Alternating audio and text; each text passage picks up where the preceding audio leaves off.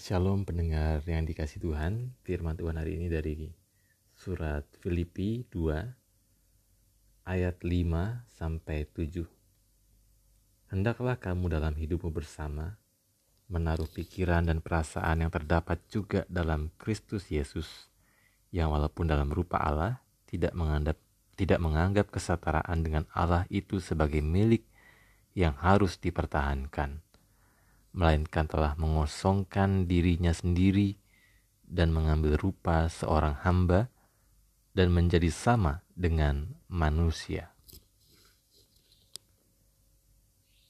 Alkisah ada dua angsa sedang terbang ke arah selatan di sebuah musim migrasi tahunan. Seekor katak mendekat saat mereka berhenti untuk beristirahat di samping danau.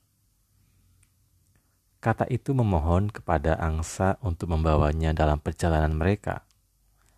Angsa itu bersedia membantu, asalkan kata itu memikirkan cara bagi mereka untuk membawanya. Si katak berpikir beberapa saat untuk mencari ide. Akhirnya ia memilih dahan yang tebal dan kuat dari pepohonan di sekitar danau.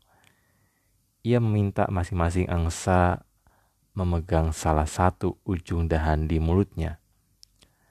Kata itu kemudian menggigit di tengah batang dengan mulutnya, dan berangkatlah ketiga binatang tersebut. Sejumlah petani yang menyaksikan pemandangan aneh dari bawah tercengang, dan salah satu dari mereka berteriak, "Siapakah di antara kamu yang menghasilkan ide cemerlang itu?" Dan segera kata itu membuka mulutnya untuk menjawab, Aku yang memikirkannya. Seketika itu ia melepaskan gigitannya dari dahan dan terjatuh ke tanah. Kisah ini bicara soal ego. Ego bicara soal konsep tentang diri kita atau diri sendiri. Sesungguhnya tidak seorang pun hidup tanpa ego. Setiap orang punya ego. Ego dalam kadar tertentu dapat membuat kita bertumbuh, maju, dan berkembang.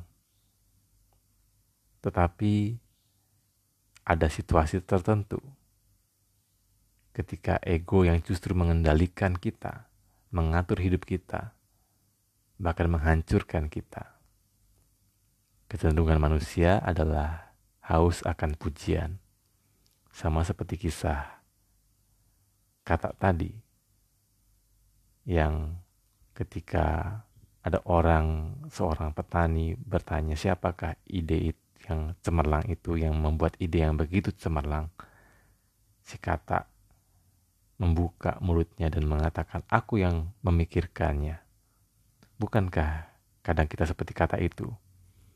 Kita begitu haus akan pujian, kita menganggap diri kita yang menjadi pusat perhatian.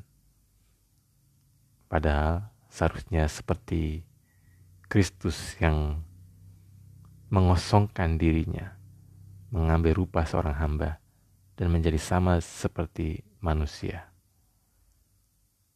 Kalau kita menghayati akan firman Tuhan ini, maka kita tidak akan membiarkan ego mengendalikan kita, tapi justru kita yang mengendalikan ego, membatasi ego, sehingga kita dapat menjadi pribadi bagi sesama, pribadi yang memberikan makna bagi hidup orang-orang yang ada di sekitar kita.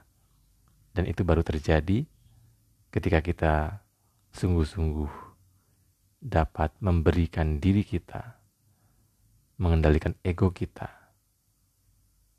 dan memberikan hidup kita bagi Allah melalui sesama. Amin.